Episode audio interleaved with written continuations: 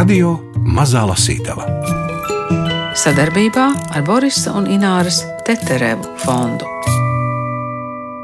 Ja jums gadījumā pārdomas par nāvi un dzīvību ir par smagu gada pēdējai dienai, klausieties to kādā citā laikā. Bet mēs nolēmām, ka pēc ļoti dažādu, gan jautru, gan absurdu, gan meditatīvu, gan vēl visādu citu grāmatu lasīšanas, gada pēdējā lasītavā ieskatīsimies antīko zinātņu doktoras Agneses Irbes grāmatā Principiāla dzīvības aizsardzības ētika. Grāmatai ir sava priekšvēsture, stāsta autore. Es viņu rakstīju nu, nevis visu laiku rakstīja, bet viņa tapa sešu gadu laikā. Bet tā priekšvēsture ir tāda. Es esmu strādājis publicistikā nu jau gadus 23 noteikti, ja? nu, man liekas, no 97. un 98. gada, ja ne iepriekš, visu laiku kaut kur publicējusies. Un man ir tāds teksta apjoma formāts, ar kuru es mācīju strādāt. Un tas ir maksimums 10 A4 lapas, ja? tas ir žurnāla Rīgas laika lielā raksta formāts. Un man divi vai trīs no šiem jautājumiem, kas ir apskatīti grāmatā, ja, kopā ar piecas tēmas, visas saistītas ar dzīvības atņemšanu, bija svarīgi, un es biju domājis, es varētu to uzrakstīt. Ja. Teiksim, Jautājums par eitanāziju. Ja? Vērojot, kā gadu gaitā daudzās valstīs, aizvien pieaugušās valstīs, pakāpeniski tiek legalizēta šī prakse, vērojot arī kādas ir tās diskusijas. Es gribēju par to uzrakstīt savu skatījumu, arī apzinoties, nu, ka arī otrai pusē ir savi argumenti, nu, tātad mēģināt tā godprātīgi to izklāstīt, bet vienlaikus arī pamatojot savu noraidošo pozīciju pret šo jauno dzīvības atņemšanas, nu, teiksim, veidu. Vai pastāv tiesības uz nāvi? Tagad pievērsīsimies eitanāzijas un tās biežāk minētā paveida asistētās pašnāvības kritikai. Šai kritikai ir divas lielas plūsmas. Pirmie ir iebildumi pēc būtības, tie iedalās spriedumos par dzīvības neaizskaramību no vienas puses un spriedumos par ārstu pienākumiem no otras puses. Otrajā plūsmā ir seku, jeb konsekvenciālie argumenti. Tie skata pašu eitanāziju kā neitrālu vai dažos gadījumos pat pieļaujamu rīcību, bet iestājas pret legalizāciju, tāpēc, ka tai būtu negatīvas sekas visai sabiedrībai. Ja dzīvība ir nereducējama vērtība, tad tās atņemšanu nevar skatīt kā ētiski neitrālu darbību, kas īpašos apstākļos būtu atbalstāma. Tomēr šajā nodaļā minēsim arī seku argumentus pret eitanāziju, ne tikai tāpēc, ka to ir ļoti daudz un tie ir labi formulēti, bet arī tāpēc, ka to izpratšanu veicina arī pašu principu un jautājumu būtības izpratšanu. Pirmais jautājums ir šāds: vai ir tā, ka pastāvot tiesībām uz dzīvību, pastāv arī tiesības uz nāvi? Abi izteikumi tiesības uz dzīvību un tiesības uz nāvi formālā līmenī ir tik līdzīgi, ka izskatās līdzvērtīgi. Turklāt nāve un dzīvība izklausās pēc loģiskiem un arī reāliem pretmetiem. Tas, kurš ir dzīves, nav miris, un tas, kurš ir miris, nav dzīves. Nevelti Rihards Poļaks bieži lietoto jēdzienu tiesības uz nāvi izvēlējās par savas monogrāfijas virsrakstu. Patiesībā šis jēdziens bez pievienota paskaidrojuma ir vai nu nesaprotams, vai nesakarīgs. Tiesības uz nāvi nozīmē vai nu tiesības uz miršanu pēc savas gribas, vai arī tiesības tikt nogalinātam pēc savas gribas. Nekā citādi to nevar saprast. Kā var būt tiesības uz kaut ko, kas dabiski un nenovēršami piemeklē katru cilvēku, turklāt lielākoties tiek uzskatīts par lielu ļaunumu vai nelaimi? Un no kā šīs tiesības tiek pieprasītas? Un es kaut kādā brīdī apzinājos, ka tas desmit lapas formāts tai vienai nodaļai ir nepietiekams. Un ka mani interesē, man ir ļoti interesējis dzīvnieku jautājums daudzus gadus, ja, 11 gadus. Ja, ļoti interesējis tieši no morāla filozofiskā skatu punkta. Un arī tur es nevarēju iekļauties teiksim, tādās 10, 12 lapusēs. Sākumā grāmata bija paredzēta kā tāda, kuru es uzrakstīšu ātri, divu gadu laikā. Jo es tos materiālus, kā es biju domājis par rakstiem, tos materiālus jau biju vākus. Man datorā tādas mapes bija, ja, un es sekoju līdzi, es lasu ziņas, es arī, nu, teiksim, pērku grāmatas, specializēto literatūru, tur izkonspektēju, man tur viss kaut kas jau bija. Un tas izrādījās sarežģītāk nekā es to biju domājis, jo es nonācu pie secinājuma, kāpēc gan es runātu tikai par dažiem tiem dzīvības atņemšanas gadījumiem, tādiem kā eitanāzija vai mākslīgie aborti, kurus es arī apskatu pirmajā nodaļā, bet kāpēc es nu, neiekļauju, teiksim, nāves sodu jautājumu, ja? jo tas ir kaut kādā ziņā līdzīgs, kaut kādā ziņā atšķirīgs. Ja? Sodīšanas būtība un pamatprincipi. Vispirms īsi runāsim par sodīšanu vispārīgi, un tad par argumentiem par un pret nāves sodu. Nodaļā būs arī diezgan gara atkāpe no genocidālajiem noziegumiem, tā dēvētajiem noziegumiem pret cilvēci. Nāves soda noraidījums, kuru mēģināsim šajā nodaļā aizstāvēt, kādā brīdī vienmēr atduras pret šiem ārkārtas gadījumiem, uz kuriem atskatoties, šķiet tikai retais nožēlo, ka, piemēram, lielos nacistu noziedzniekus pakāra. Tātad vispirms jāsaprot, kas ir sots un kas valstiskajām kopienām piešķir tiesības un pienākumu sodīt. Jautājumu par kopienas tiesībām sodīt var izteikt šādi: Vai ir kaut kas, un ja ir, tad kas tas ir?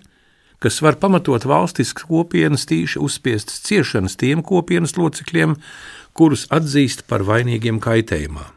Atbildi uz šo jautājumu droši vien sastāvētu no vairākām daļām.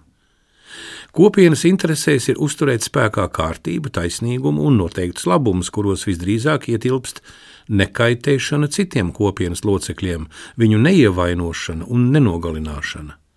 Pēc sabiedriskā līguma teorijas un būtībā arī pēc jebkuras citas senākas teorijas, Cilvēki valstiskajā kopienā brīvprātīgi atsakās no daļas savu brīvību kopienas labad. Tādējādi viņi vairo savu un visu pārējo drošību, un līdz ar drošību arī brīvību. Kopiena rada tādu vai citādi organizētu tiesu varu un tiesāšanas institūciju kā starpnieku strīdos un likumu ievērošanas garantu. Ja kopiena netiek šādi organizēta un atrodas pirms politiskajā vai bezvaldības stāvoklī, kurā ir spēkā tikai dabiskais likums, šajā gadījumā individu tiesības pašaizsargāties, šis pirmspolitiskais stāvoklis labākajā gadījumā ir nedrošs, bet sliktākajā gadījumā tas var nozīmēt, kā rakstīja Tomas Hops, visu karu pret visiem.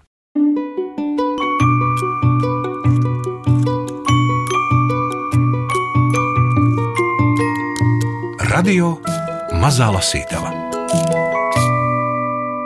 Šajā raidījumā izmantoti fragmenti no manas kolēģis Andas Buševicas sarunas ar Agnes Irbi, kas plašāk skanēs raidījumā augstāk par zemi janvāra pirmajā svētdienā, bet fragmentus no Agneses Irbes teksta lasa Gundars Āboliņš. Ētika un politika. Kad kāds apgalvo, ka cilvēka dzīvība ir jāizstāv principiāli, viens no pirmajiem pārmetumiem ir pārmetums radikālismā un fundamentālismā. Šis pārmetums ir dibināts taču ar piebildi, ka būšana radikālam pati par sevi nav ne negatīva, ne arī apmāta un neprātīga nostāja. Visi cilvēki ir radikāli, vismaz dažos jautājumos, un visiem tādiem arī ir jābūt. Fundamentālisma un radikālisma jēdzienu izteikti negatīvo nozīmi droši vien ir veicinājis šo vārdu lietojums neatrodot labākus, dažādu totalitāri ievirzītu ideoloģisku kustību aprakstos. Otrs cēlonis varētu būt pārsteidzīgi secinājumi, kas izdarīti no slavenās seno grieķu maksimas visu ar mēru, vai Aristoteļa teorijas par tikumu kā zelta vidusceļu starp divām galējībām. Ja pareizā rīcība vienmēr būtu tik vienkārša kā iziešana pa vidu starp diviem grāviem, ētiskās dilemmas vispār nepastāvētu.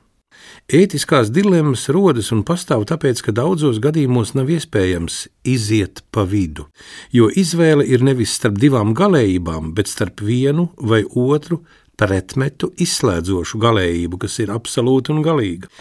Nāves soda ētiskā pieņemamība un attiecīgi likumīgums varētu būt tipisks piemērs. Izvēle šajā gadījumā ir starp nogalināšanu un nenogalināšanu. Gan viens, gan otrs lēmums tādējādi ir galēji un radikāli.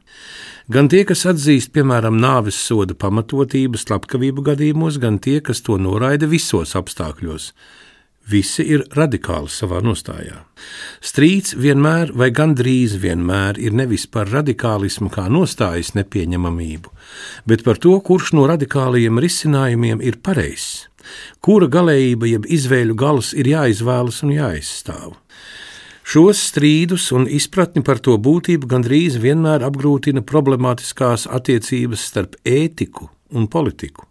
Tas ir problemātiskās attiecības starp pareizām un nepareizām darbībām no vienas puses un piesardzīgiem spriedumiem par spēkā esošajiem likumiem un to piemērošanu savās valstīs no otras. Šis ir nozīmīgs, bet sarežģīts jautājums, tāpēc ir jābūt skaidrībai, kā šīs attiecības jāskata. Šī ir grāmata morāla filozofijā, nevis politiskajā teorijā vai jurisprudencē. Morāla filozofija, šajā gadījumā normatīvā ētika, ir disciplīna, kas pastāv pati par sevi. Tā var ietekmēt un arī ietekmē gan jurisprudenci, gan politisko teoriju, bet ar tām nepārklājas. Katrai zinātņu nozarei ir savi rīki, kurus tā izmanto, un katrai ir arī savs tiešais mērķis un darbības lauks. Normatīvā ētika kā tāda arī pilnībā nepārklājas ar pielietojamo jeb praktisko ētiku. Par spīti tam, ka 20. un jau īpaši 21. gadsimtā ētiku un ētikas speciālistus arvien vairāk izmanto kā padomdevējs konkrētu likuma projektu izstrādē. Normatīvās ētikas centrā ir rīcību pareizums un nepareizums ētiskās kategorijās, nevis tās valsts, kuras pilsonis katrs ir, pieņemtie gaidāmie vai cerētie likumu grozījumi. Rīcības pareizuma un nepareizuma izvērtējums pēc definīcijas var notikt tikai domājoša indivīda prātā. Tā ētisku domāšanu un tai nepieciešamo morālo izglītību un sirdsapziņas brīvību saprata Sokrāts, Platons, Aristoteles, Kants un pārējā morāla filozofa plejāde. Piemēram, Platona secinājumi par pareizo rīcību lielā daļā gadījumā bija pretēji viņa laika sabiedrību vairākumam, un jo īpaši valdošajiem politiskajiem veidojumiem. Normatīvajai ētikai ir jābūt patstāvīgai un neatkarīgai, un brīvai no politiskas ideoloģijas. Ja cilvēks ir saprātīga būtne un ja pieņem viņa spēju ar savu prātu palīdzību nonākt pie pareiza sprieduma par rīcību, šo autonomiju nevar deleģēt lielākam politiskam veselumam vai, piemēram, laikmeta garam. Katrā ziņā to nevar deleģēt tajos jautājumos, kuri attiecas uz pašiem izšķirošākajiem jautājumiem, kā piemēram par dzīvību un nāvi. Un tā grāmata izauga no turienes. Tad tā bija tāda kopējā vīzija, ka es gribu apskatīt visus tos par margināliem, ja, vai teiksim, tādiem strīdīgiem. Vērtētos jautājumus saistībā ar, ar dzīvības atņemšanu, tātad pamatā runājot par cilvēku, bet iekļaujot arī diezgan apjomīgu nodaļu par dzīvniekiem. Un tas arguments ir nu, ne tik daudz, ka man tas ir interesējis, ja, teiksim, viss šis dzīvnieku jautājums, bet arī tāpēc, ka mūsdienās tiešām, lai kur jūs pasaulē brauktu uz kādu bioētikas konferenci, vai iegādātos arī teiksim, kādu rakstu krājumu, ja, tur noteikti būs jautājums par dzīvniekiem. Ja, tā, tā ir tāds, tāds mūsu laikmeta pazīme, ka to jautājumu nevar apiet. Principiāls pacifisms Tāds, kāds definēts iepriekšējā apakšnodaļā, proti, pilnīgs karottiesību noraidījums, mūsuprāt, nav dzīvotspējīgs nekā teorija, nekā prakse.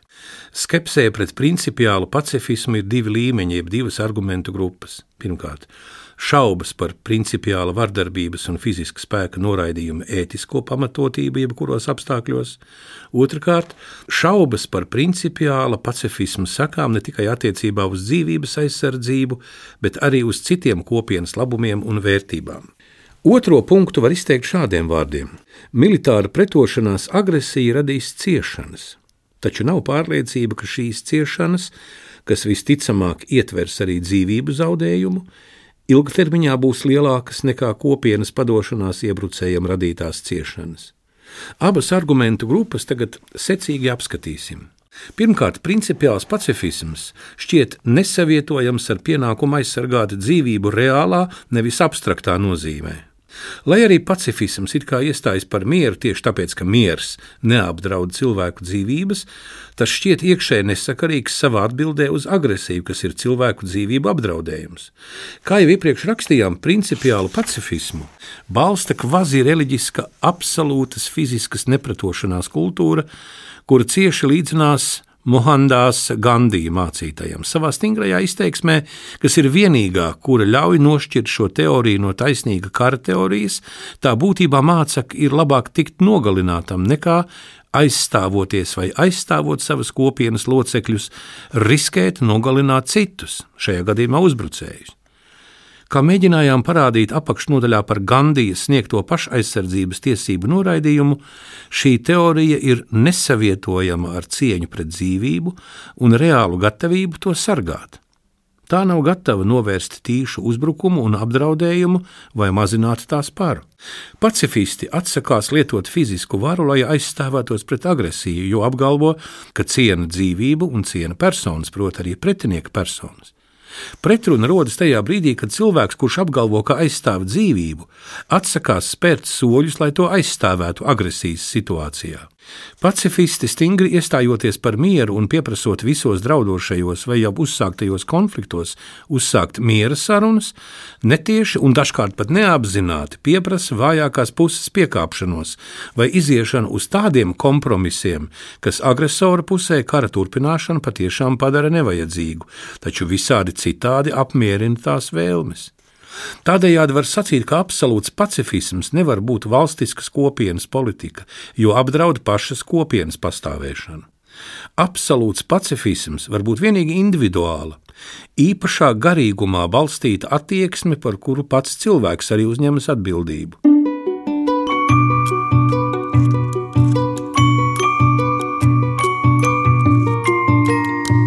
Radio Mazā Lasītava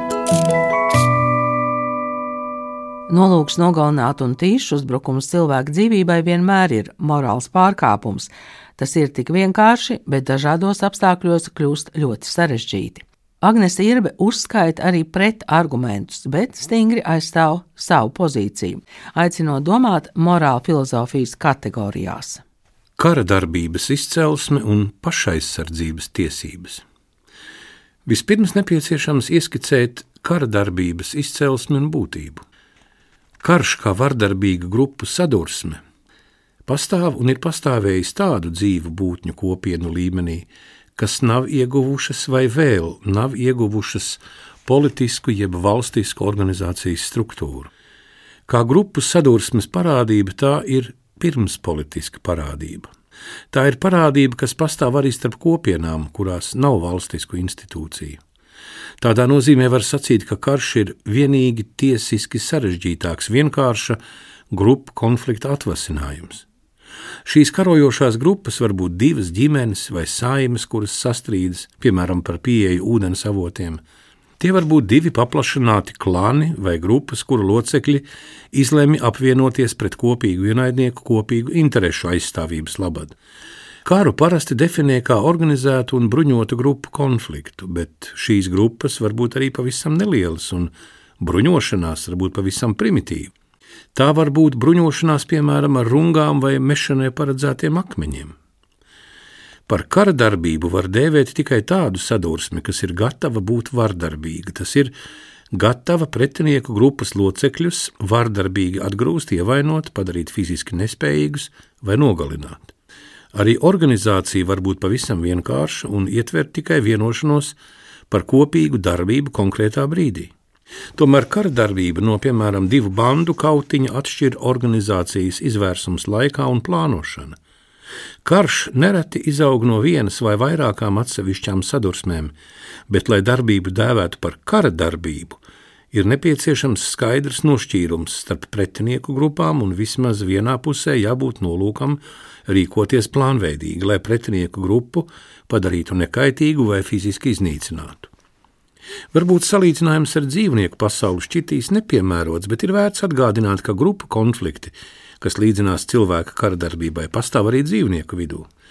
Dzīvnieku etoloģe Džeina Gudola aprakstīja karu starp dažādiem šimpanžu klaniem Tanzānijas džungļos.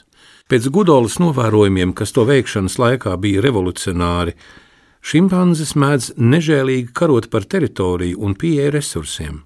Šajā karadarbībā atriebe, atdarīšana un kaitēšana tiek vērsta pret pretiniekiem nevis kā individiem, kurus sodītu par konkrētu kaitniecisku darbību, piemēram, barības atņemšanu, bet pret pretiniekiem kā ienaidnieka grupas locekļiem. Tā ir viņu piederība grupai, kas nosaka viņa ienaidnieka statusu. Pat mātītes un mazuļus, kuri piederēja pie pretinieku klana, nāvējoši sakropļoja vai nogalināja. Tā dēvēto Gombes straumes šimpanžu karu Gudola ar sabiedrotajiem novēroja laikā no 1974. līdz 1978. gadam. Tieši sadursmes ilgums - četri gadi, un agresīvā šimpanžu klāna spēja ilgstoši nenovērst uzmanību no naidīgā nolūka, kā arī uzbrukt koordinētā grupā, ļāva Gudolai to salīdzināt ar līdzīgu parādību cilvēku kopienās. Karš sākās, kad šimpanžu kopiena sašķēlās sešiem tēviņiem, trīs mātītēm un viņu pēcnācējiem, izveidojot jaunu grupu un pārceļoties dzīvot tālāk džungļos. Viņa sākotnējā kopiena līdz galam nesaprotamu iemeslu dēļ uzsāka agresīvu kardarbību pret šiem separātistiem.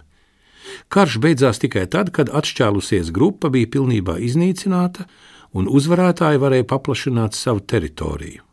Pēc iepriekš apskatītajām karadarbības pazīmēm šimpanžu klanu cīņa no cilvēku karadarbības atšķiras tikai ar to, ka šimpanzes necīnās bruņoti. Ir laikam diezgan naivi cerēt uz to, ka tātad vardarbības starp cilvēku kopienām teiksim, globāli mazināsies tādā nozīmē, ka mēs esam tā ir lapuse, kuru cilvēks ir pāršķīrusi, ja, un tagad, vai mēs skatītos nākotnē pēc 100, 200, 500 gadiem, tas vienkārši neatgriezīsies, jo mēs esam iemācījušies, ka tā nevajag darīt. Ja. Tas man liekas diezgan skaidrs, ka šis ir mīts un tas ir jānoraida. Bet man bija nodaļā viena rindkopa, kuras izņēmu ārā, tad, kad sākās uh, karš Ukrainā. Un tā bija rindkopa par to, ka Mēs varbūt varam sagaidīt, ka konvencionālā karošana samazināsies, jo ir šī milzīgā tehnoloģiskā attīstība. Ja? Tātad iespēja karot ar dronu, ar slepkavu dronu palīdzību, ja, ar kaut kādām citām tehnoloģijām, ar bezpilota lidmašīnām. Un mēs redzam, ka Ukrainā viņas tiek izmantotas, ja, bet joprojām tas ir karš starp cilvēkiem un cilvēkiem. Joprojām cilvēki ir nu, burtiski ierakumos vai slēpjas aiz nu, kaut kādos gruvešos. Ja, tad, tad cilvēki reāli riskē ar savām dzīvībām un reāli šauj virsū citiem cilvēkiem, nevis kaut kādām tehnoloģiskām lietām. Ja. Ukraiņas karš no nu, kaut kā varbūt ja tā pozitīvi gribētu izteikties, uzsvēra nepieciešamību par to domāt un turpināt par to domāt. Necerēt, ka mēs esam pāršķīruši to lapusi tā pavisam.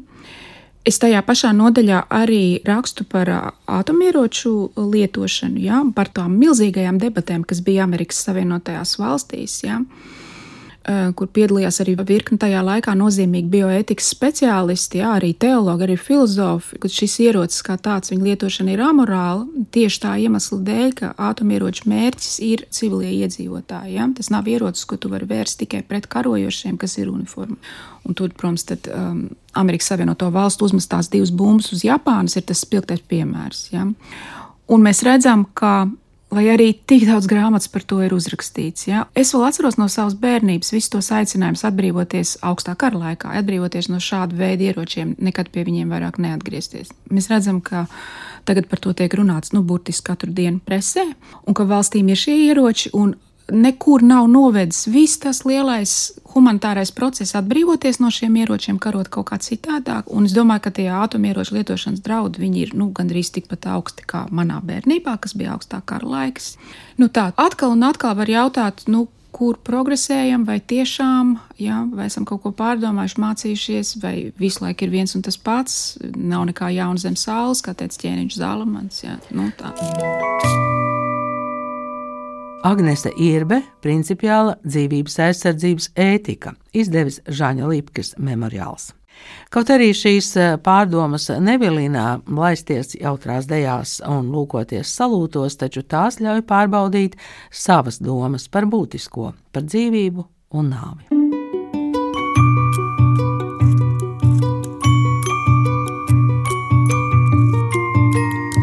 Radio Mazā Lasītava sadarbībā ar Borisa un Ināras Teterevu fondu.